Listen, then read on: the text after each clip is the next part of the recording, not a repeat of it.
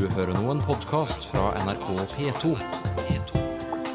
nrk.no-podkast. Dæven, ass. Du skulle sett det, ass. Han dro den sinnssykt seige kickflipen, ikke sant?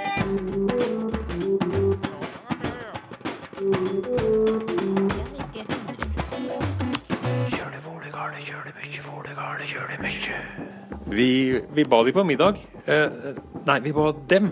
Objektsformene er lite brukt i norske dialekter. Men har du hørt dette før? Vampyrstrøm. Er det vampyrstrøm hjemme hos deg? Det er en sånn her vampyr som står der og biter i, i strømkabelen eller i TV-et. Og gøyfus, hva er nå det? Jeg hadde ikke peiling. Gøyfus, det er veldig sjeldent. I morgen åpner det store klimatoppmøtet i Paris. Elleve dager der statsledere fra hele verden må bruke språket for å bli enige om en avtale om CO2-kutt. Hvilke ord velger vi når vi snakker om miljøet? Er det de beste ordene, de mest forståelige, de mest engasjerende? Jeg har fått tips om en nettside der du bl.a. oppfordres til å lage nye grønne ord. Og nå skal jeg gå inn på den. Den heter redefine.xyz. Der er den. Eh, Og nå skal jeg trykke på en knapp som heter redefine, eller omdefiner. Og her eh, kan jeg, hvis jeg vil, legge inn et grønt ord jeg har laget. Og så kan jeg erstatte et ord som eksempel bærekraftig da, med et ord jeg syns er bedre. Eh, Og så kan jeg velge språk. Skal vi se. Norsk Nei, der lå det ingen Der lå det faktisk ingen ord inne, så der, eh, der har vi en jobb å gjøre, vi som vil at det skal ligge noe der. Men eh, dansk, da, det kan jeg prøve på. Skal vi se. Ja, her var det noen ord. For eksempel eh, pedalsosial. Pedalsosial, hva betyr det, Kajsa Li Paludan? Pedalsosial er et ord som, eh, som betyder Som egentlig beskriver det møtet du har når du sykler på en sykkelstig, og plutselig treffer du noen som du kjenner, og så stopper du opp, og så sier du 'hei, gud, hva trivelig, deg har jeg ikke sett lenge', og så har, gjør du en stor propp på sykkelstigen hvor ingen kan komme forbi deg, for at du står der og snakker og, og, og prater med den som du presis har, har truffet. Men hva, hva er det som gjør pedalsosial til et grønt uh, ord? Ja, men det er jo det at, at i stedet for å ta bilen, så sykler man. Så eh, alle de vanor, eller alle de kulturer som, som er grønne, altså det å sykle, det å gå, det å du vet, ta et skateboard Alle de her eh, grønne transportformene er jo bærekraftige. Da. Så, eh, så derfor er pedalsosial et, et grønt ord her i ordboken på redefine.xyz. Du eh, engasjerer deg i miljøvern. Lytterne vil Ja. høre at du snakker svensk. Du er egentlig dansk, og så har du ett ben i Norge også, så du er en, en sann skandinav. Absolutt. Eh, Så har vi bare oppklart det. Men eh, du engasjerer deg som sagt i miljøvern, klimadebatt, grønn tankegang på ulike vis, og Ja. blant annet har du tatt initiativ til dette nettstedet, da, Redefine XYZ. Og det er et internasjonalt grønt forum der alle kan bidra med å forklare etablerte ord og uttrykk, men også å skape og registrere sine egne ord. Hva er det alle disse ordene på dette nettstedet har til felles? Det som de som kommer inn og bruker nettstedet har til felles, det er at de gjerne vil se en annen eh, virkelighet enn den som vi har just nå. En virkelighet som er eh, preget av, av eh, liv. Altså, hvordan kan vi skape mer liv? Hvordan kan vi skape en bærekraftig verd? Og derfor kommer folk inn da og forsøker å gjøre nye ord for å skape bilder og, og følelser som beskriver denne nye verden. Det er veldig mange saker som vi gjør i vår kultur var, som vi ikke har ord for. Pedalsosial er jo et som, som var nødvendig. Da. Og siden er det jo andre saker, så det er med at man låter sine elektriske apparater stå tent, eh, om man har slukket dem, og de står på standby-strøm. Og det er det jo også noen som har vært inne og, kommentert på, og hva man kan kalle det i stedet. Ja, hva kan man kalle det? De kaller det for vampyrstrøm. Vampyrstrøm, du. Ja. Og, og det er altså et apparat som bare står og er koblet til strøm? Ja. For eksempel hva da? Ja, men TV for eksempel. Eller eh, ja, en TV er en veldig bra eksempel, for da har du Da slukker du for TV-et, men den, den røde lampen står fortsatt og lyser rødt, og det betyr jo faktisk at, at TV-et bruker strøm. Um, slukker du på kontakten, da slukker du helt for, for TV-apparatet. Hvorfor er vampyrstrøm et bra ord, synes du? Jeg syns det er veldig gøy ord, for at du setter jo bilder på Du setter jo så rolig Du forestiller en sånn her vampyr som står der og biter i, i strømkabelen eller i TV-et. Eh, og sug, altså suger ut strøm fra kontakten, selv om at TV-en ser død ut. Og det er jo også det med vampyrer. De er jo døde, men enda så suger de livet ut av, av menneskekroppen. Og så har vi jo dette honnørordet bærekraftig. Det kunne du egentlig tenke deg å bytte ut? Med hva da? Jeg syns ordet smart er et riktig bra ord. Det er en brukere her på Redefine som har kommet opp med det i stedet for bærekraft. Um, Hvorfor er det bedre? for at når du er bærekraftig, da er du smart. Da er du intelligent. Um, og for å sette liksom en, en, gjøre en skillnad mellom dumme, altså ointelligente mennesker som ikke passer på planeten og framtiden, og folk som er smarte og intelligente, som eh, passer på ja, våran allihopas jord. Men, men du, jeg tenker som så at hvis vi skal bedre klima og miljø, gjøre jorden til et bedre sted, så handler det om ja, det, da, det krever handling. Ja, det gjør det. Og, og hvorfor skal vi da bruke energi på hva slags ord vi, vi, vi anvender? Det, det kommer jo ned til det her med hvordan mennesket förstår texter och ord. Och eh, när, man har ju det här med att när man berättar och när man fortäller någonting och man börjar att förtälla om den här världen man gärna vill se, selv om det är en fantasi, då blir den mer virkelig. Alltså då blir det lättare att faktiskt att gå ut och skapa det här. Alltså Walt Disney sa att ifall du kan drömma dig till det, då kan det bli till verklighet. Och Det är också en sak som väldigt många uppfinnare och så folk som gör innovationer och sånt där, de brukar sig av. Att de går ut och tänker så här vill jag ha det. Och så går de ut och så gör de en prototyp var de testar sin idé och sin fantasi. Och det kan ju vara att man faktiskt har då uppfinner ett nytt ord eller man uppfinner någonting som man kallar för något bestämt som pedalsocial. Och så går man ut och gör det. För att har du först satt ett ord på det du drömmer om, ja men då är det lättare att gå ut och, och skapa det. I morgen er du på plass i Paris for å rapportere fra klimatoppmøtet for en dansk avis. Gi meg ett ord du vet kommer til å bli brukt mye under dette møtet, men som du kommer til å styre utenom og erstatte med et annet ord. CO2, CO2-utledning. Um, CO2-utslipp. ja. Hvorfor skal du erstatte det? Det, det er jo et sentralt uh, uttrykk da, i dette her. ja, det er det. Jeg vil erstatte det med hva det er. Og det er et restprodukt av avbrenning av organisk material. Hvorfor er det bedre? Det er jo langt og tungt. Ja, det er langt og tungt, men ibland måste man sätta, eh, beskriva precis och vara väldigt konkret på hva det er man prater om. Det er veldig mange som ikke vet hva CO2-utslipp betyder og, og, og har svårt att förhålla sig till det og da vet de ikke hva de själva skal gjøre for å minska CO2-utsläpp for de egentlig ikke vet hva det er. Men säger man det avbränning av organiskt material som för exempel avbränning av bensin etc. Ja, då vet de ju att okej, vi kanske inte ska bränna av så mycket bensin. Ja, vi kanske inte ska köra så mycket bil eller vi kanske ska ha en elektrisk bil istället för eller och så vidare. Att det skapar några helt klara bilder i huvudet på folk vad det är vi pratar om. Sa Kajsa Li Paludan på reisefot til Paris og klimatoppmøtet der, med nye grønne ord i kofferten.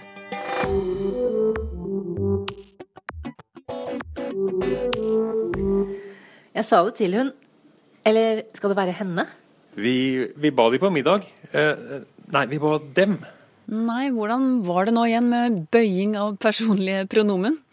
Dette er tema i et brev fra lytter og videregående elev Aksel Kjønsberg. Han skriver Jeg legger stadig merke til at folk ikke bruker objektsformen av flere personlige pronomen. Ofte hører jeg at dem erstattes med de, og at henne erstattes med hun. Og nå lurer Aksel Kjønsberg på om disse objektsformene er på vei ut av det norske språket. For å få hjelp til å svare på dette har jeg tilkalt deg, språkforsker Ivar Berg. Du, eh, eh, la oss aller først slå fast reglene. Når vi skriver bokmål eller nynorsk, hva er godkjente objektsformer av hun eller ho og de eller deg? Ja, da er det sånn at i bokmål så skal du som subjektsform ha hun og objektsform henne. Og likeens skal du ha- subjektforma de og objektsforma dem. På nynorsk er det her litt enklere. Der kan du bruke henne som objektsform, men du kan også skrive ho, både som subjekt- og objektsform. Og i tredjeperson flertall så heter det deg uansett. Så det er altså egentlig i bokmål at dette problemet kan oppstå eh, i skrift, da. Det er i bokmål det blir et problem. Ja, for når Aksel Kjønsberg etterlyser dem og henne, så, så er det obligatoriske objektsformer i bokmål, og da snakker vi også om skrift. Men hvordan er de talemålet? Stemmer det at eh, det ikke er så mange som bruker dem og henne når de snakker, som lytteren vår antyder her?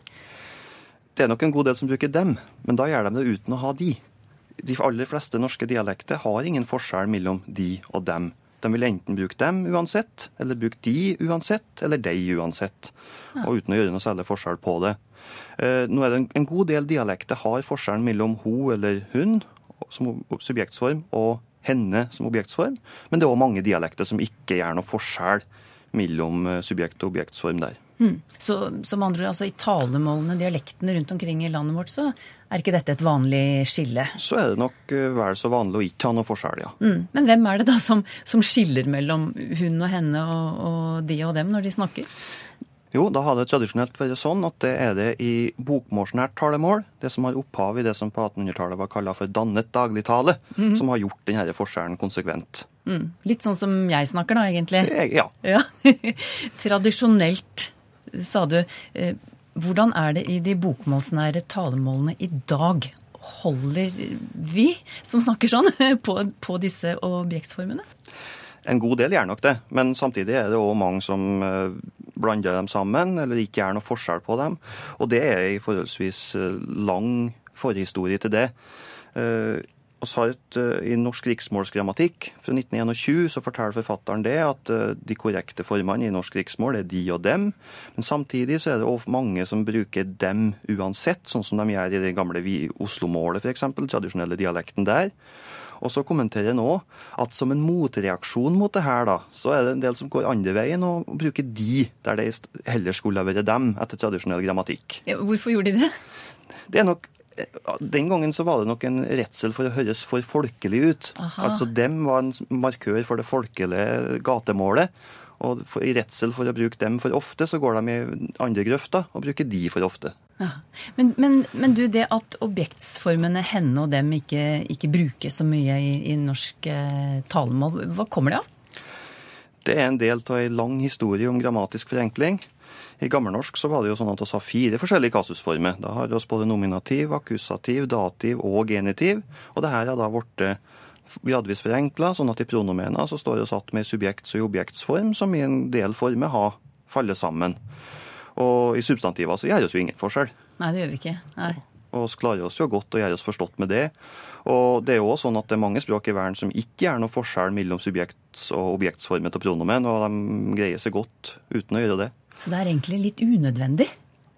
Det er ikke noe nødvendighet for en vellykka kommunikasjon, nei. Nei, Og da er det kanskje ikke så rart at folk eh, ikke bruker dem heller, tenker jeg da.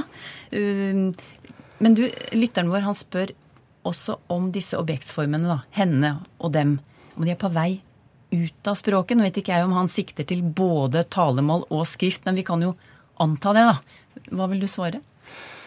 Jeg vil si at det kan jo godt hende. Men så er det jo det at du i en situasjon der folk ikke lenger gjør noe grammatisk forskjell på dem, så har de òg muligheten til å bruke dem til andre ting. At de f.eks. kan bruke uh, hender som er sånn trøkktung eh, form når det skal legges ekstra vekt på ting. Og det er jo kjent fra sentrale Østlandet at de kan si sånne ting som uh, Og hender, hun satt bak meg. Det er en autentisk setning fra ei talemålsinnsamling i Oslo. At de bruker hender som en sånn trøkktung Ja. Ikke lenger som objektsform, men som trykktungt. Ny bruk, på en måte. Ny bruk av gammelt materiale. Ja. Men hvordan er det når vi skriver, da? Der er, jo, er, vi jo pålagt, holdt jeg på å si, det er obligatorisk å bruke eh, dem og, og henne i objektsform. Gjør vi det? Det er nok ikke alle som gjør det. Jeg ser jo òg sjøl, ofte i, særlig på nettet, at folk skriver de, blanda de og dem. Hvorfor gjør de det når de skriver, da? Nei, Det er jo ikke så rart det. Når de ikke gjør noe forskjell i talemålet sitt, så blir det jo vanskelig å gjøre rett når de skal skrive. Mm. Men uh, jeg vet du har et lite tips, fordi som sagt, det er jo egentlig obligatorisk i bokmål. da. Hva, hva, slags knep kan vi bruke for å få det rett når vi skriver? Den enkle regelen der er å prøve å bytte ut med jeg og meg. Eller jeg og meg. For der, for der gjør alle sammen forskjell. Og hvis du da har jeg eller jeg, så skal det være de. Og hvis du har meg eller meg i talemåla din, så skal det være dem i skrift, i bokmål. Ja, Eller det samme med hun og henne, da. Akkurat likeens. Og da har du en regel for å greie å få det rett når du skriver, iallfall. Hva folk sier, det må nå være opp til dem sjøl. Et lite knep til slutt fra språkforsker Ivar Berg ved NTNU i Trondheim. Og lytter Aksel Kjønsberg, du får et krus i posten for spørsmålet ditt.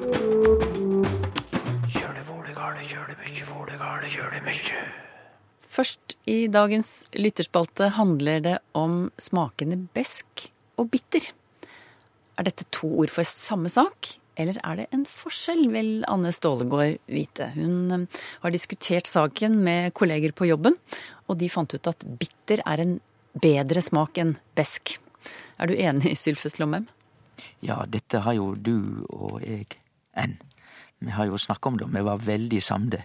Bitter er eit meir positivt ord enn beisk, eller besk. Det var vi samla om. Eh, fordi vi bruker jo bitter om eh, faktisk smaker i kjøkkenkunsten som kan være positive, altså et, et pluss. Og til og med vi har jo eh, en brennevinstype av urt og mange andre ting som vi kaller ein, en bitter. Så det er ikke noe negativt ord, det med bitter. Derimot beisk eller besk er absolutt negativt, for det betyr jo ramt og surt og rett og slett vondt. Noe vi ikke liker. Så det er den skilnaden i de to orda. Men ellers er det jo veldig like i innhold, rent logisk. Og historisk sett så er det òg like i, i tying, i den forstand at både beisk, som kjem fra beitsk på norrønt, av verbet bita, det gir også bitter, det kjem også av verbet å bite. Så begge disse to orda har med å bite å gjøre. Anne Grete Stave skriver at hun alltid har oppfattet uttrykket varm velkomst som det motsatte. Altså litt på samme måte som vi kan si eh, bjørnetjeneste eller forfordele, bruke det feil. Og Derfor så reagerer hun når det varm velkomst blir brukt positivt. Eksempel det er snakk om at vi skal gi flyktningene en varm velkomst, i betydningen at de er hjertelig velkommen. Hva kan du si om varm velkomst, Sylfest? Jeg er veldig enig med Anne Grete Stave her, fordi at uh, varm velkomst kan absolutt bety noe negativt. Det er kanskje det som er den mest tradisjonelle bruken. Og vi har jo òg uttrykket å bli heit om øyro. Og da blir du varm om øyro, og det er heller ikke bra, for da har du fått deg et eller annet som gjør at du blir heit om øyro. Så kort sagt, varm velkomst er i alle fall tvetydig på norsk at det kan tolkes i to retninger, positivt og negativt. Konklusjon vi må være veldig varsomme med når vi bruker det, at det blir rett oppfatta. Pete Knutsen spør etter opphavet til Med brask og bram.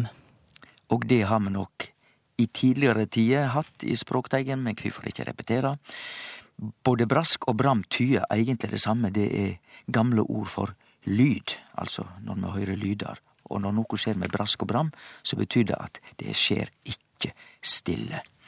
Ordet brask er et lågtysk ord som betyr larm, og eh, bram er et gammelt norsk ord uh, som betyr bråk eller skryt, til og med, slik at en gammel bruk av å bramme var ikke bare å bråke, men også å, å skryte. Og både, vi finner det både i Holberg sine tekster, Jonas Lie sine tekster, bruker dette verbet. Det er jo sjeldent verb, men det er et gammelt norsk verb.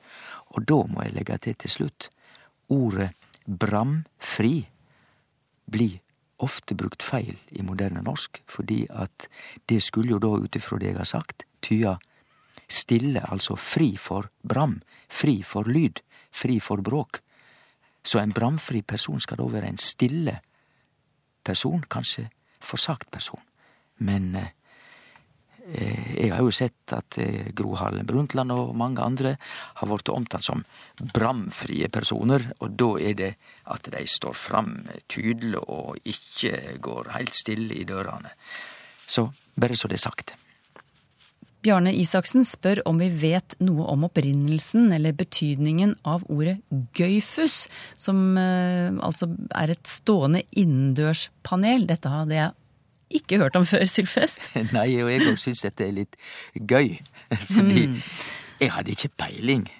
Og det står jo naturligvis ikke i ordbøkene i norsk, dette ordet gøyfus. Det er veldig sjeldent. Men de som driver med snekring, de har peiling på det. Det er et uh, ordforstående panel.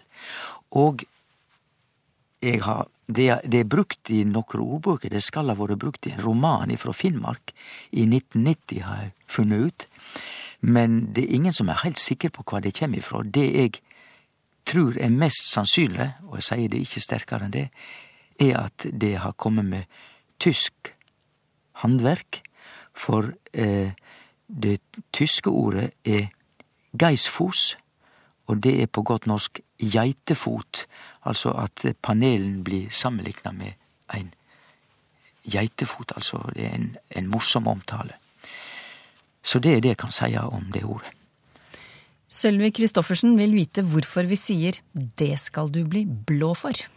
Ja, og til og med kanskje det er nødvendig å forklare hva det tyder, fordi at det er ikke opplagt det skal du bli blå for hvert som ligger det, men det som ligger det, at dette kan du være sikker på. Dette, slik er det.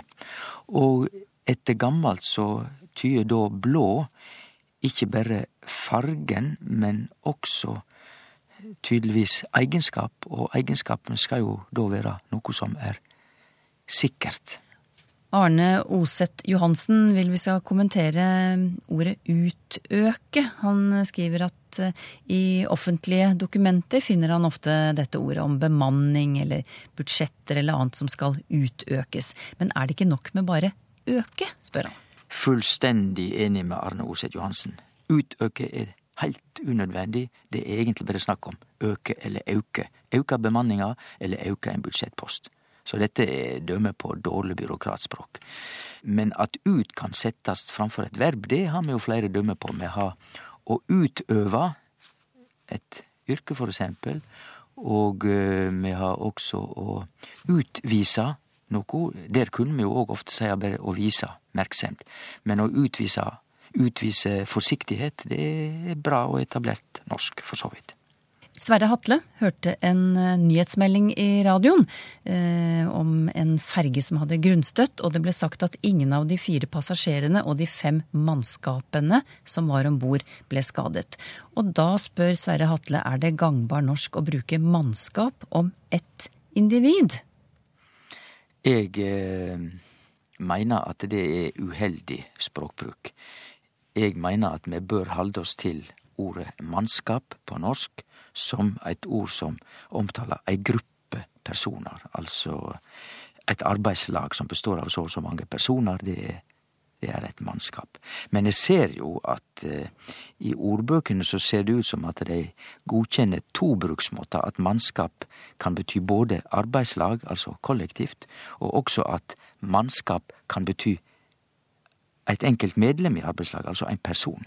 Men jeg får være såpass uh, tøff i trynet enn at jeg, uh, jeg, jeg mener at det er ei uheldig normering. Det skaper unødig forvirring.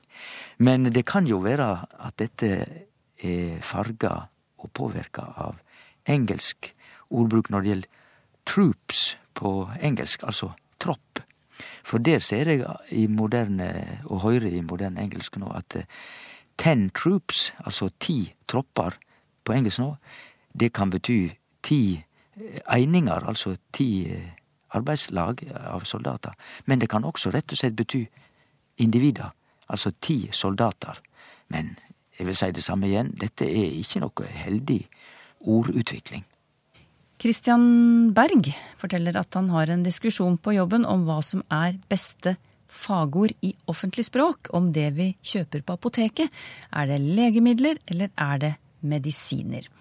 Eh, Christian Berg forteller at han har bakgrunn fra apotek eller farmasi, og han foretrekker konsekvent å bruke ordet legemiddel eller legemidler. For medisiner, der har vi jo også én medisiner, og vi har medisin som fagområde.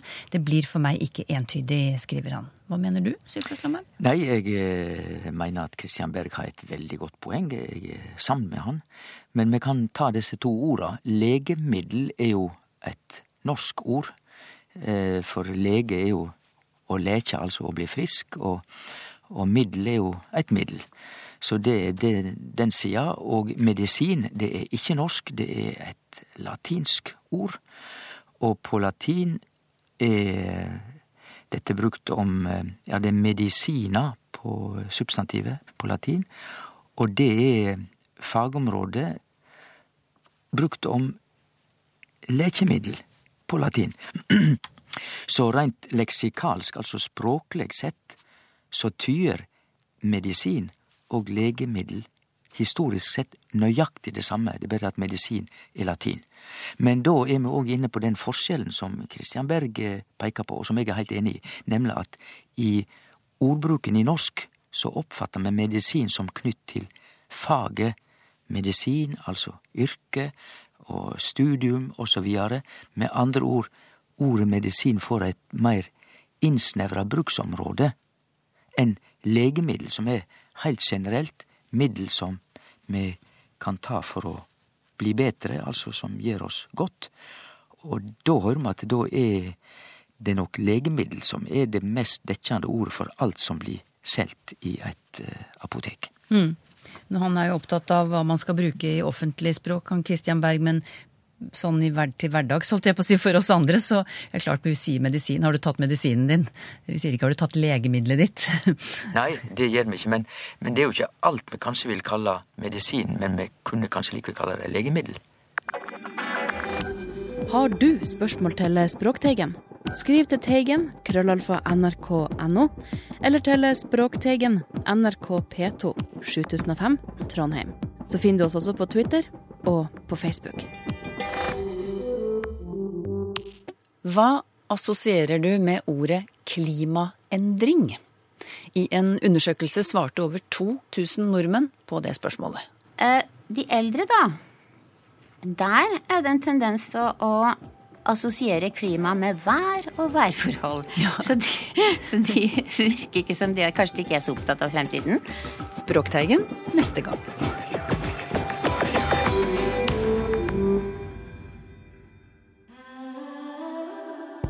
nrk.no podkast.